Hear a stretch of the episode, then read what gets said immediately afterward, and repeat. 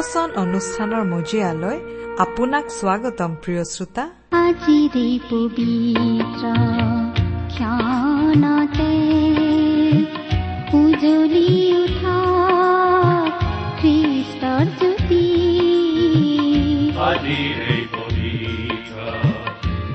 প্ৰিয় শ্ৰোতা ভক্তিবচন অনুষ্ঠানত আপোনাক পুনৰ লগ পাই আমি নথৈ আনন্দিত। আশা কৰোঁ এই অনুষ্ঠানত প্ৰচাৰ হোৱা বাক্যসমূহে আপোনাৰ ব্যক্তিগত জীৱনত অলপ হলেও সহায় কৰিছে। ঈশ্বৰ এগৰাকী সৰ্বশক্তিশালী ব্যক্তি। তেওঁ পৃথিৱী আকাশমণ্ডল আৰু সৌৰজগতৰ সকলোকে নিজৰ ইচ্ছাৰে আৰু পৰাক্ৰমেৰে শৃংখলাবদ্ধভাৱে স্থিৰ কৰি থৈছে। তেওঁ প্ৰতিটো বিষয়কে একো একোটা নিয়মৰ অৰ্থাৎ নিজ নিজ সীমাৰ অন্তৰ্ভুক্ত কৰি ৰাখিছে। সেইকাৰণে সকলোবোৰ সুন্দৰকৈ চলি আছে। সেইবোৰৰ এটা বিষয়েও যদি নিজ নিয়মক চেৰাই যাবলৈ ধৰে তেন্তে সকলোবোৰ খেলি মেলি অৰ্থাৎ ধ্বংস হ'ব। আমাৰ জীৱনবোৰো তেনেকুৱা। আপোনাৰ মোৰ জীৱনটোকো ঈশ্বৰে বৰ সুন্দৰকৈ শৃংখলাবদ্ধভাৱে মংগলৰ আঁচনিৰে সজাই ৰাখিছে। ঈশ্বৰৰ পৰাক্ৰমী সুৰক্ষাৰ তলত আপোনাৰ জীৱন সদায় সুৰক্ষিত। তেওঁত আশ্ৰয় ললে আপুনি জীৱনৰ প্ৰকৃত আনন্দ বিচাৰি পাব। তেওঁৰ বাক্যই আপোনাক তেওঁৰ বিষয়ে আৰু অধিককৈ জানিবলৈ সহায় কৰাৰ আশাৰে এয়া আপোনালৈ আগবঢ়াইছো ভক্তিবচন। মাটিৰ দেহা মাটিত মিলিব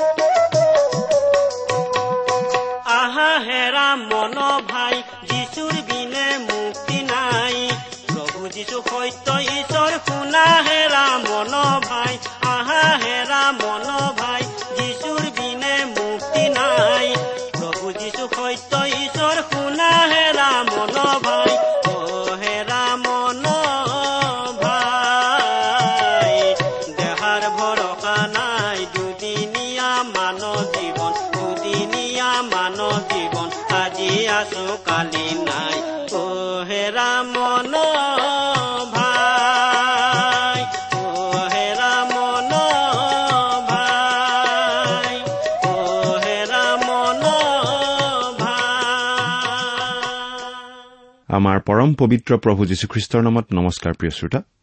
আশা কৰো মহান পিতা পৰমেশ্বৰৰ মহান অনুগ্ৰহত আপুনি ভালে কুশলে আছে। লগতে এই বুলিও আশা কৰিছো যে আপুনি আমাৰ এই ভক্তিবচন অনুষ্ঠানটো নিয়মিতভাৱে শুনি আছে। যদি আজি প্ৰথমবাৰৰ বাবে শুনিছে শুনি কেনে পালে আমালৈ চিঠি লিখি জনাবচোন? আৰু যদিহে আপুনি আমাৰ নিয়মীয়া শ্ৰোতা কিন্তু কেতিয়াও আমালৈ চিঠি পত্ৰ লিখা নাই তেনেহলে আজিয়েই লিখিবচোন। আৰু যদিহে আমালৈ মাজে সময়ে চিঠি পত্ৰ লিখি আছে তেনেহলে আপোনাক ধন্যবাদ জনাইছো। আৰু আগলৈকো চিঠি পত্ৰ লিখি থাকিবলৈ অনুৰোধ জনাইছো। আহকচোন আজিৰ বাইবেল অধ্যয়ন আৰম্ভ কৰাৰ আগতে খন্তেক প্ৰাৰ্থনাত মূৰ দুৱাওঁ। স্বৰ্গত থকা অসীম দয়ালু পিতৃ ঈশ্বৰ তোমাৰ মহান নামৰ ধন্যবাদ কৰো। তুমি সৰ্বশক্তিমান সৰ্বব্যাপী সৰ্বজ্ঞানী ঈশ্বৰ হৈও আমাৰ দৰে ক্ষুদ্ৰ মানৱক যে ইমান প্ৰেম কৰা সেই কথা ভাবিলেই আচৰিত হওঁ। তুমি আমাক ইমানেই প্ৰেম কৰিলা যে আমাক পৰিত্ৰাণ দিবলৈ তুমি তোমাৰ একেজাত পুত্ৰ যীশুখ্ৰীষ্টকেই আমালৈ দান কৰিলা। তেওঁ আমাৰ সকলো পাপৰ বোজা নিজৰ কান্ধত লৈ আমাৰ হৈ ক্ৰুচত প্ৰাণ দিলে। নিজৰ পবিত্ৰ তেজেৰে আমাৰ পাপৰ প্ৰায়চিত্ৰ কৰিলে। আজি তেওঁত বিশ্বাস কৰি আমি অনন্ত জীৱন লাভ কৰি তোমাক পিতৃ বুলি মাতিব পৰা হৈছো। তাৰ বাবে তোমাক অশেষ ধন্যবাদ পিতা।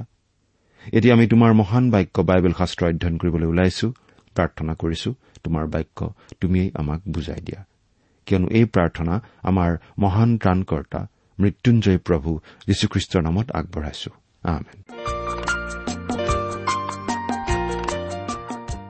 প্ৰিয় শ্ৰোতা যদিহে আপুনি আমাৰ এই ভক্তিবচন অনুষ্ঠানটো নিয়মিতভাৱে শুনি আছে তেনেহলে আপুনি এই কথা নিশ্চয় জানে যে আমি আজি ভালেমান দিন ধৰি বাইবেলৰ পুৰণি নিয়ম খণ্ডৰ ঋষয়া ভাৱবাদীৰ পুস্তকখন অধ্যয়ন কৰি আছো।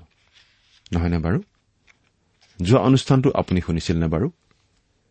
যোৱা অনুষ্ঠানত আমি এই যীশয়া ভাওবাদীৰ পুস্তকৰ চৈধ্য নম্বৰ অধ্যায়ৰ সোতৰ নম্বৰ পদলৈকে পঢ়ি আলোচনা আগবঢ়াইছিলো। তাত কি আলোচনা কৰিছিলো আপোনাৰ মনত আছেনে বাৰু? আপোনাৰ হয়তো মনত আছে যে আমি আগৰ সেই অনুষ্ঠানটোত ছয়তান আৰু মন্দতাৰ আৰম্ভণিৰ বিষয়ে আলোচনা কৰিছিলো। আৰু সেই আলোচনাৰেই আমাৰ অধ্যয়ন সামৰণি মাৰিছিলো। গতিকে আজি আহকচোন আমি চাওঁ চৈধ্য নম্বৰ অধ্যায়ৰ ওঠৰ নম্বৰ পদৰ পৰা বাবিলে যে অদূৰ ভৱিষ্যতে বিদ্ৰোহ কৰিব এই বিষয়টোৰে আৰম্ভ কৰি মোৱাব ধ্বংস হোৱাৰ কথাৰে সামৰি। এইখিনি কথা আমি আজি বিশেষকৈ আলোচনা কৰিব খুজিছো। যে অদূৰ ভৱিষ্যতত বাবিলে বিদ্ৰোহ কৰিব আৰু মোৱাব ধ্বংস হ'ব। প্ৰথমতে আমি যিচয়া চৈধ্য নম্বৰ অধ্যায়ৰ ওঠৰ নম্বৰ পদটো পাঠ কৰি দিব খুজিছো। যদিহে আপোনাৰ লগত বাইবেল আছে তেনেহলে অনুগ্ৰহ কৰি চাই যাব। আৰু যদি লগত বাইবেল নাই তেনেহলে আমি পঢ়ি যাওঁতে অনুগ্ৰহ কৰি মন দি শুনিব। পাঠ কৰি দিছো।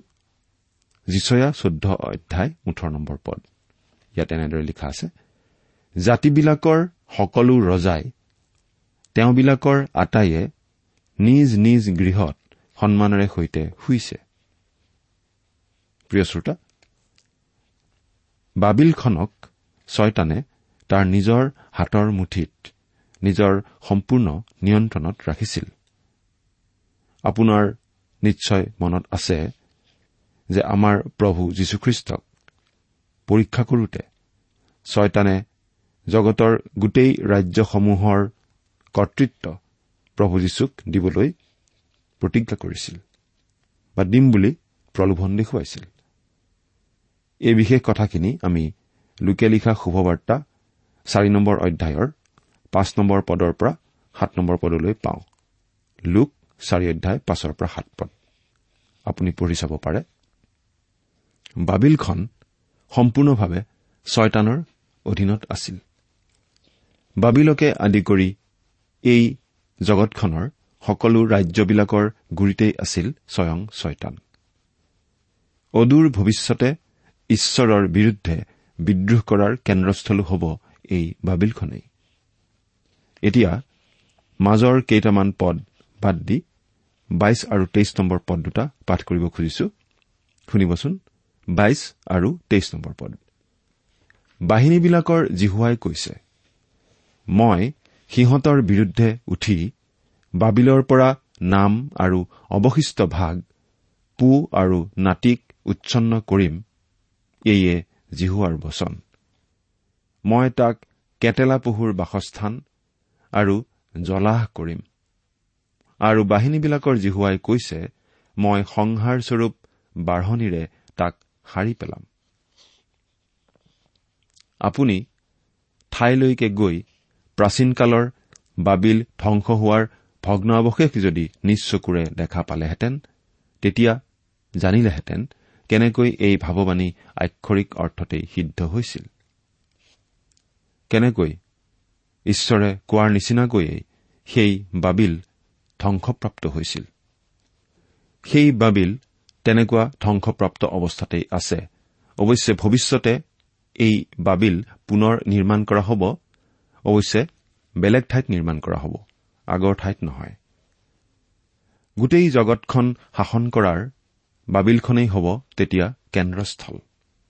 ঈশ্বৰৰ বিৰুদ্ধে ইয়াৰ উচ্চ গৃহটি পুনৰ নিৰ্মাণ কৰা হ'ব আৰু ঈশ্বৰ পুনৰ নামি আহিব সুধবিচাৰ কৰিবলৈ আৰু সেয়াই হ'ব শেষ সুধবিচাৰ ভৱিষ্যতে যি যি ঘটিবলৈ গৈ আছে সেই সকলোৰ সম্পৰ্কে যেন আমাৰ খবৰ থাকে সেই উদ্দেশ্যেৰেই এই সকলো কথা ভাৱবাণীৰ যোগেদি আমাক জনাই দিয়া হৈছে।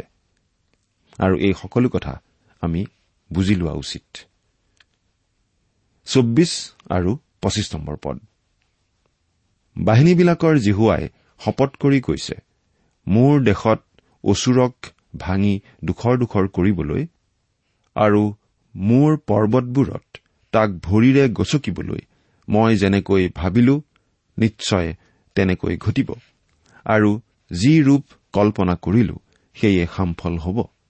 আৰু তেওঁবিলাকৰ পৰা তাৰ জুৱলি দূৰ হ'ব। আৰু তেওঁবিলাকৰ কান্ধৰ পৰা তাৰ ভাৰ আঁতৰ হ'ব। উত্তৰৰ ফালৰ পৰা যি ৰজা আহিব সেয়া হ'ব অচুৰীয়া ৰজা।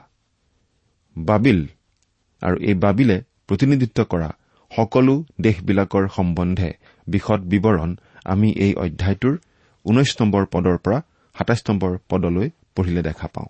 অৰ্থাৎ বাবিল আৰু বাবিলৰ মিত্ৰতা স্থাপন কৰা সকলোবিলাক ৰাজ্যলৈ কেনেকুৱা ধৰণৰ সুদবিচাৰ নামি আহিব? সেই বিষয়ৰ বিৱৰণ এই পদকেইটাৰ ভিতৰত পোৱা যায়। এই ভাৱবাণীসমূহৰ আংশিক ভাৱবাণীহে অতীতত সিদ্ধ হৈ গৈছে। কিন্তু যিবোৰ সিদ্ধ হৈ গৈছে সেইবোৰ কিন্তু আক্ষৰিক অৰ্থতেই সিদ্ধ হৈছে। অৰ্থাৎ যি ঘটিব বুলি কৈছিল ঠিক তেনেদৰেই ঘটিছে।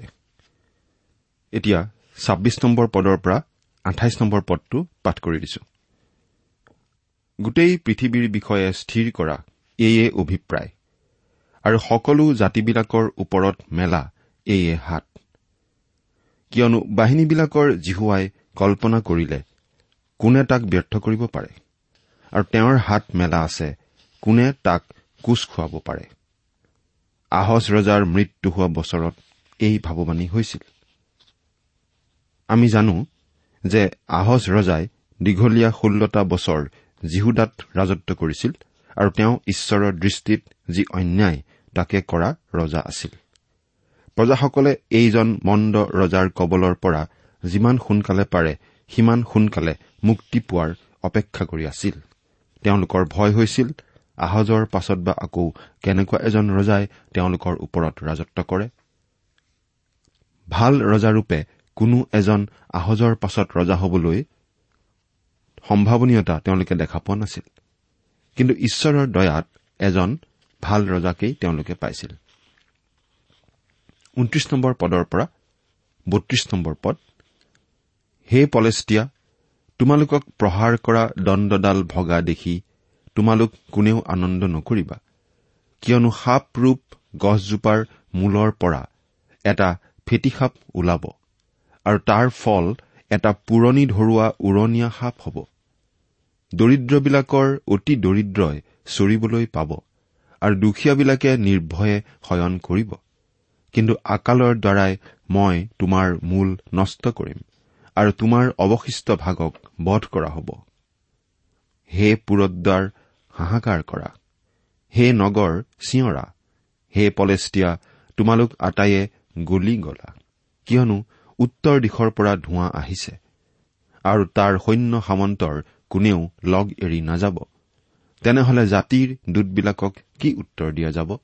জিহুৱাই চিউনক স্থাপন কৰিলে আৰু তেওঁৰ প্ৰজাবিলাকৰ দুখীয়াবিলাকে তাত আশ্ৰয় ল'ব এনে উত্তৰ দিয়া যাব। আহজ ৰজাৰ পাছত আৰু দুজন ৰজাই জিহুদাত ৰাজত্ব কৰিছিল যি দুজন ভাল ৰজা আছিল। কিন্তু আটাইতকৈ অধম ৰজাবিলাক এতিয়াও আহি পোৱা নাছিল। মানুহৰ শাসকসকলৰ মাজত কিয় ভাল বেয়া আৰু ভাল বেয়া এনেকুৱা থাকে বাৰু? কাৰণ মানুহে এই কথা জনা দৰকাৰ যে কেৱল মানুহৰ শাসনৰ দ্বাৰাই পৃথিৱীত মংগল সাধন নহব কেতিয়াও হ'ব নোৱাৰিব। মানুহে আজি বাৰে বাৰে শাসনকৰ্তা সলনি কৰি থাকে সলনি কৰি থাকিব বিচাৰে। কিন্তু তাৰ দ্বাৰা কোনো উপকাৰ মানুহে আচলতে লাভ নকৰে। আহজৰ মৃত্যু হল বুলিয়েই পলেষ্টীয়াসকলে যেন আনন্দ নকৰে সেই কথা ঈশ্বৰে তেওঁলোকক জনাই দিছে। তেওঁৰ মৃত্যু হোৱা কাৰণেই যে তেওঁলোকৰ আগতকৈ কিবা ভাল হ'ব সেইটো আশা তেওঁলোকে কৰা উচিত নহয় কাৰণ তেনে হোৱাৰ কোনো নিশ্চয়তা নাথাকে। বৰং তেওঁলোকৰ ওপৰতহে ঈশ্বৰৰ সুধবিচাৰ হ'ব আৰু তেওঁলোকৰ নগৰবিলাকে সৈতে তেওঁলোক ধ্বংস হ'ব লাগিব। ত্ৰিশ নম্বৰ পদৰ পৰা বত্ৰিশ নম্বৰ পদলৈকে সেই বিচাৰৰ কথা বিশদভাৱে বৰ্ণনা কৰা হৈছে। অৰ্থাৎ তেওঁলোকৰ ওপৰলৈ ঈশ্বৰৰ পৰা যি সুদবিচাৰ নামি আহিব সেই কথাকেই তাত উল্লেখ কৰা হৈছে। ঊনত্ৰিশ নম্বৰ পদৰ পৰা এইদৰে বত্ৰিশ নম্বৰ পদলৈকে পলেষ্টীয়াবিলাকৰ বিৰুদ্ধে কোৱা ভাৱবাণী আমি পাওঁ। এতিয়া আমি তাৰ পিছৰ অধ্যায়লৈ যাওঁ হওক। এই অধ্যায়টোত মোৱাবৰ বিৰুদ্ধে কোৱা ভাৱবাণী আমি পঢ়িবলৈ পাওঁ। বাবিল আছিল এখন বিশেষ ঠাই আৰু বাবিলনীয়া জাতি আছিল এক মহাজাতি আৰু পৰাক্ৰমী জাতি। কিন্তু কেৱল দুটা অধ্যায় এই জাতিটোৰ ভাৱবাণী কৰিবলৈ ব্যৱহাৰ কৰা হৈছে। দুটা অধ্যায়তেই সেই জাতিটোৰ ভাৱবাণী সামৰা হৈছে। বাবিলৰ তুলনাত মোৱাব তেনেই তাৎপৰ্যহীন জাতি আৰু দেশ। কিন্তু যিচয়াই ঈশ্বৰৰ পৰা ভাৱবাণী পাই এই মোৱাবৰ বিৰুদ্ধেও ভাৱবাণী প্ৰচাৰ কৰিছে। কাৰণ যিচয়াৰ দিনত মোৱাবো লেখত ল'বলগীয়া জাতি আৰু এই জাতিটোৱেও ঈশ্বৰৰ দৃষ্টিত যি ন্যায় সেইদৰে চলিব পৰা নাছিল। মোৱাব জাতিটোৰ উৎপত্তি ক'ৰ পৰা কেতিয়া হৈছিল? হয় এই জাতিটোৰ উৎপত্তিৰ কাহিনী বৰ ব্যতিক্ৰম ধৰণৰ। আপুনি জানে যে নোহৰ ডাঙৰজনী জীয়েকে দেউতাক নোহক মদ্যপান কৰোৱাই মনুষ্যত্ব কাণ্ডজ্ঞান শূন্য কৰি দেউতাকৰ সৈতে একেলগে শয়ন কৰিছিল। আৰু তেওঁলোকৰ ফালৰ পৰা বৃদ্ধি পোৱা জাতিটোৱেই হৈছে মোৱাবিয়া জাতি। মোৱাব আছিল এক দেশৰ নাম। নোহৰ ঔৰসত তেওঁৰ জীয়েকৰ ফালৰ পৰা জন্ম পোৱা সতী সন্ততিসকলেই সেইখন মোৱাব ভূমিত বসবাস কৰি কালক্ৰমত মোৱাবিয়া জাতিৰূপে বিদিত হৈছিল। এই মোৱাবিয়াসকল ইছৰাইলৰ ভয়ত সন্ত্ৰাসিত হৈ উঠিছিল যেতিয়া ইছৰাইল জাতিটো মিছৰ দেশৰ পৰা ওলাই আহি মোৱাবৰ মাজেৰে কনান ভূমিত প্ৰৱেশ কৰিছিল। তেতিয়াৰে পৰা মোৱাবিয়া লোকসকল সদায় ইছৰাইলৰ বিৰুদ্ধে শত্ৰুতা আচৰণ কৰি আহিছিল।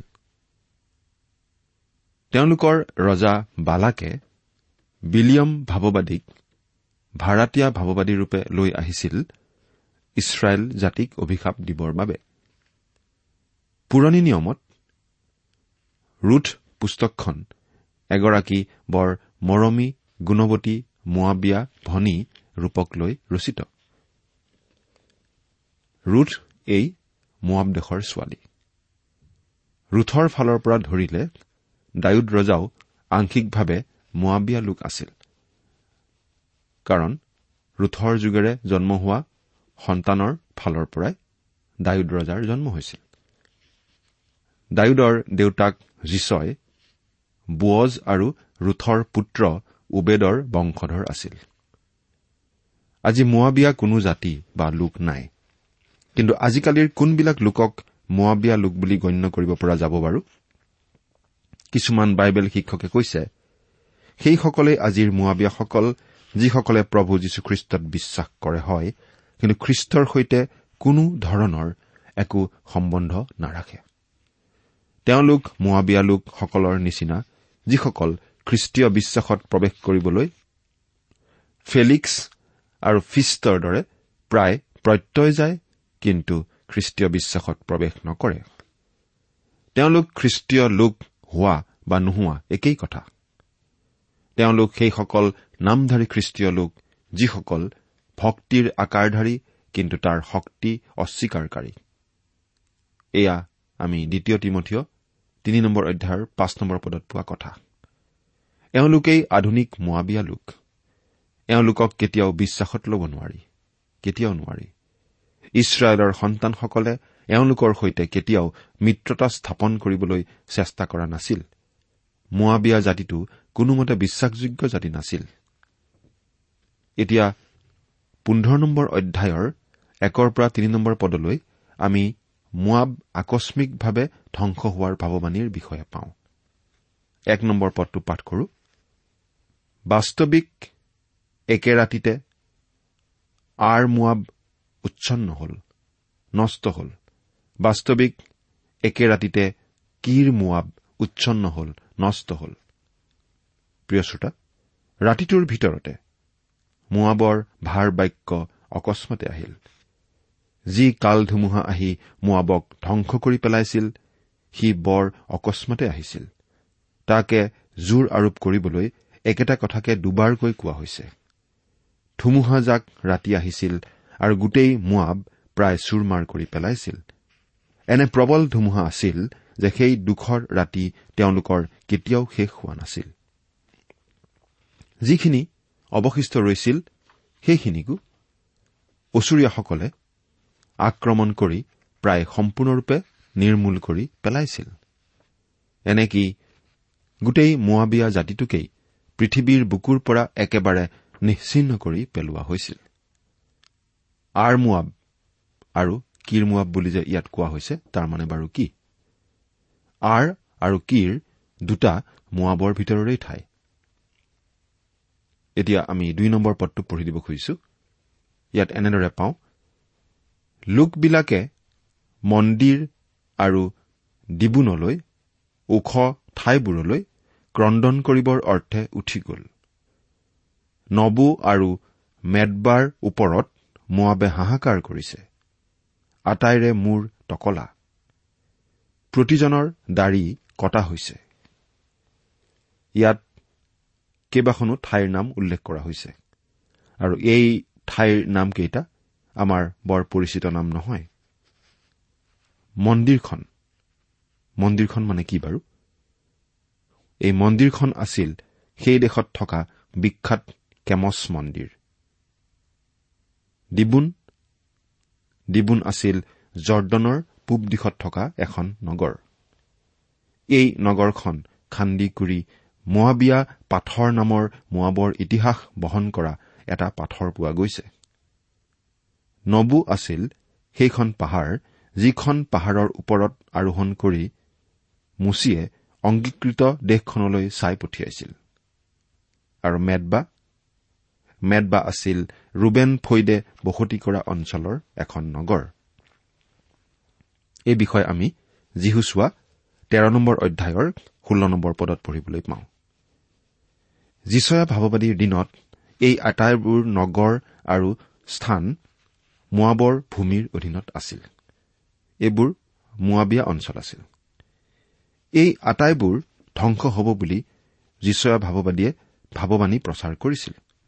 কাৰণ মোৱাবিয়াসকলে ঈশ্বৰত বিশ্বাস কৰা দেখুৱালেও আচলতে তেওঁলোকে কাৰ্যত অনবৰতেই বিজাতীয় জাতিবোৰৰ মঠ মন্দিৰতেই পূজা পাতল কৰি ভক্তিৰ আকাৰধাৰী কিন্তু তাৰ শক্তি অস্বীকাৰী লোক হিচাপে জীৱন ধাৰণ কৰি ঈশ্বৰক আঘাত দি আহিছিল। সেয়েহে তেওঁলোকৰ তেনে পাপ জীৱনলৈ চাই চাই পবিত্ৰ ঈশ্বৰে নীৰৱ দৰ্শকৰ ভূমিকা আৰু লৈ থাকিব নোৱাৰে। সেইবাবেই ঈশ্বৰে যীশয়া ভাওবাদীৰ যোগেদি এই কথা জনাই দিছিল যে সেই মোৱাব জাতিক তেওঁ দণ্ড দিব। সেই মোৱাব জাতিক তেওঁ একেবাৰে নিশ্চিন্ন কৰিব। সেই মোৱাব জাতিৰ মঠ মন্দিৰকে আদি কৰি সকলোবোৰ তেওঁ ধূলিচ্ছাত কৰি পেলাব। সেই মোৱাব জাতি পৃথিৱীৰ বুকুৰ পৰা নিশ্চিন্ন হবলগীয়া হ'ব। ঠিক সেইদৰেই ঘটিছিল। ঈশ্বৰৰ বাক্য অথলে নাযায়। ঈশ্বৰে পাপ বেছিদিন সহি নাথাকে। এই কথা আমি সকলোৱে মনত ৰখা উচিত। প্ৰিয় শ্ৰোতা আজিৰ এই আধুনিক মোৱাবিয়াসকলৰ অভিনয়ো পবিত্ৰ ঈশ্বৰে ধৈৰ্য সহকাৰে সৰহ দিনলৈ বাট চাই থাকিব বুলি আপুনি ভাবেনে? এইটো এটা গুৰুত্বপূৰ্ণ প্ৰশ্ন। আজিৰ আধুনিক মোৱাবিয়াসকল। তেওঁলোকনো কোন? সেই বিষয়ে আমি ইতিমধ্যে উল্লেখ কৰিছো। যিসকলে খ্ৰীষ্টীয় বিশ্বাসীৰ হয়তো ভাও ধৰে খ্ৰীষ্টৰ বিষয়ে জনা বুজা ভাও ধৰে। কিন্তু প্ৰকৃততে সেই বিশ্বাস তেওঁলোকৰ অন্তৰত নাই। ভক্তিৰ আকাৰধাৰী কিন্তু তাৰ শক্তি অস্বীকাৰী লোক। এনেকুৱা আধুনিক মোৱাবিয়া আমাৰ মাজতো আছে। আমাৰ চাৰিওফালে আছে। আমি নিজে বাৰু তেনেকুৱা ধৰণৰ লোক নেকি? আমি নিজক পৰীক্ষা কৰি চোৱা উচিত। এই আধুনিক মোৱাবিয়াসকলক ভাৱবাণী দিবলৈ কোনো যিচয়া নাইনে? তেওঁলোকক যে ঈশ্বৰে বেছিদিন সহি নাথাকে সেই কথা তেওঁলোকক জনাবলৈ আজি কোনো আধুনিক যিচয়া নাইনে বাৰু? প্ৰিয় শ্ৰোতা কথাবোৰ কওঁতে নিজক চাবলৈ নজনাটোও মোৱাবিয়াসকলে কৰা পাপকেই আচৰণ কৰা হয়। অৰ্থাৎ এই যি কথাখিনি আমি কৈ আছো এই কথাখিনি কওঁতে আমি যদি নিজক পৰীক্ষা কৰি নাচাওঁ তেতিয়াহ'লে আমিও নিজকে সেই মোৱাবিয়াৰ নিচিনা পৰিচয় দিয়া হয়। আমি আচলতে এইখিনি কথা কওঁতে নিজৰ কথা কবলৈ বিচাৰিছো। জীৱন মঞ্চত অভিনয় কৰাৰ বৃত্তিটো মই প্ৰভুৰ অনুগ্ৰহত বাদ দিবলৈ চেষ্টা কৰিছো। ভক্তিৰ আকাৰধাৰী নহৈ তাৰ শক্তিৰহে স্বীকাৰকাৰী হোৱাৰ প্ৰয়াস আমি সকলোৱে কৰা উচিত। তেনেকুৱা প্ৰয়াস আপুনি কৰিছেনে প্ৰিয় শ্ৰোতা? তিনি নম্বৰ পদ। সিহঁতৰ বাটত বাটত সিহঁতে চট কাপোৰেৰে কঁকাল বান্ধিছে। সিহঁতৰ ঘৰৰ ছালবোৰত আৰু সিহঁতৰ চকবোৰত প্ৰতিজনে অতিশয়ৰূপে কান্দি হাহাকাৰ কৰিছে। বৰ্তমান জৰ্দন নামৰ সৰু দেশখনত থকা অঞ্চলটোৱেই তেতিয়াৰ মোৱাব ভূমি আছিল। জৰ্দনলৈ যোৱা লোকসকলে কবলৈ খোজে যে সেইখন দেশলৈ গ'লে হেনো এনেধাৰণা হয় ঈশ্বৰৰ অভিশাপ যেন তাত শেষ হোৱা নাই। আমি সেইবোৰ দেশৰ বাবে প্ৰভুৰ গুৰিত প্ৰাৰ্থনা কৰা উচিত যাতে তেওঁলোকে প্ৰভুৰ কাষ চাপিব পাৰে। আজিলৈ ইমানতেই সামৰিছো। ঈশ্বৰ আপোনাৰ সহায় হওক। আমি মাথো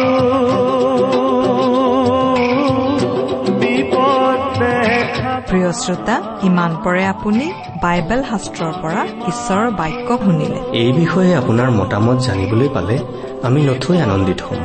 আমি প্ৰস্তুত কৰা বাইবেল অধ্যয়নৰ চিডিসমূহ পাব বিচাৰিলে আৰু অনুষ্ঠানত প্ৰচাৰ কৰা কোনো কথা বুজিব লগা থাকিলেও আমালৈ লিখক। আমাৰ যোগাযোগৰ ঠিকনা ভক্তিবচন ট্ৰান্সৱৰ্ল্ড ৰেডিঅ' ইণ্ডিয়া ডাক বাকচ নম্বৰ সাত শূন্য গুৱাহাটী সাত আঠ এক শূন্য শূন্য এক।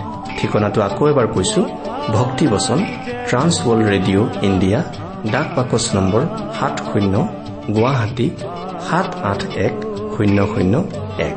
আমাৰ ইমেইল এড্ৰেছটো হৈছে Assamese T TV at the rate radio' eight eight two dot com আমাৰ website W W W dot T W R dot in আপুনি টেলিফোনৰ মাধ্যমেৰেও আমাক যোগাযোগ কৰিব পাৰে আমাৰ টেলিফোন নম্বৰটো হৈছে nine eight five four zero' four zero' eight eight nine phone নম্বৰটো আকৌ এবাৰ কৈছো ন আঠ পাঁচ চাৰি শূন্য চাৰি শূন্য আঠ আঠ ন আপুনি এই ভক্তিবচন অনুষ্ঠানটি আমাৰ website W W W dot radio' eight eight two dot কমতো শুনিব পাৰিব। আজিৰ অনুষ্ঠানটি ইমানতেই সামৰিছো। ঈশ্বৰৰ শান্তি আৰু অনুগ্ৰহ আপোনাৰ লগত থাকক। ধন্যবাদ।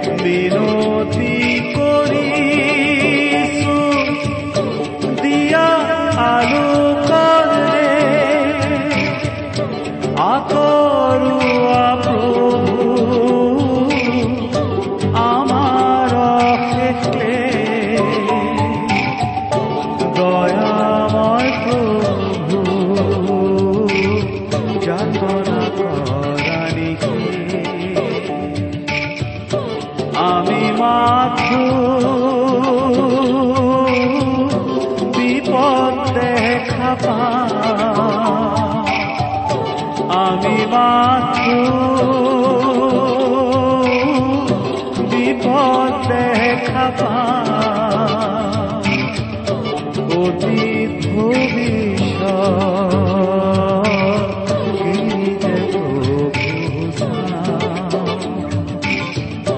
বথা নাই যে ভাঙা আমার বথা নাই যে ভাঙা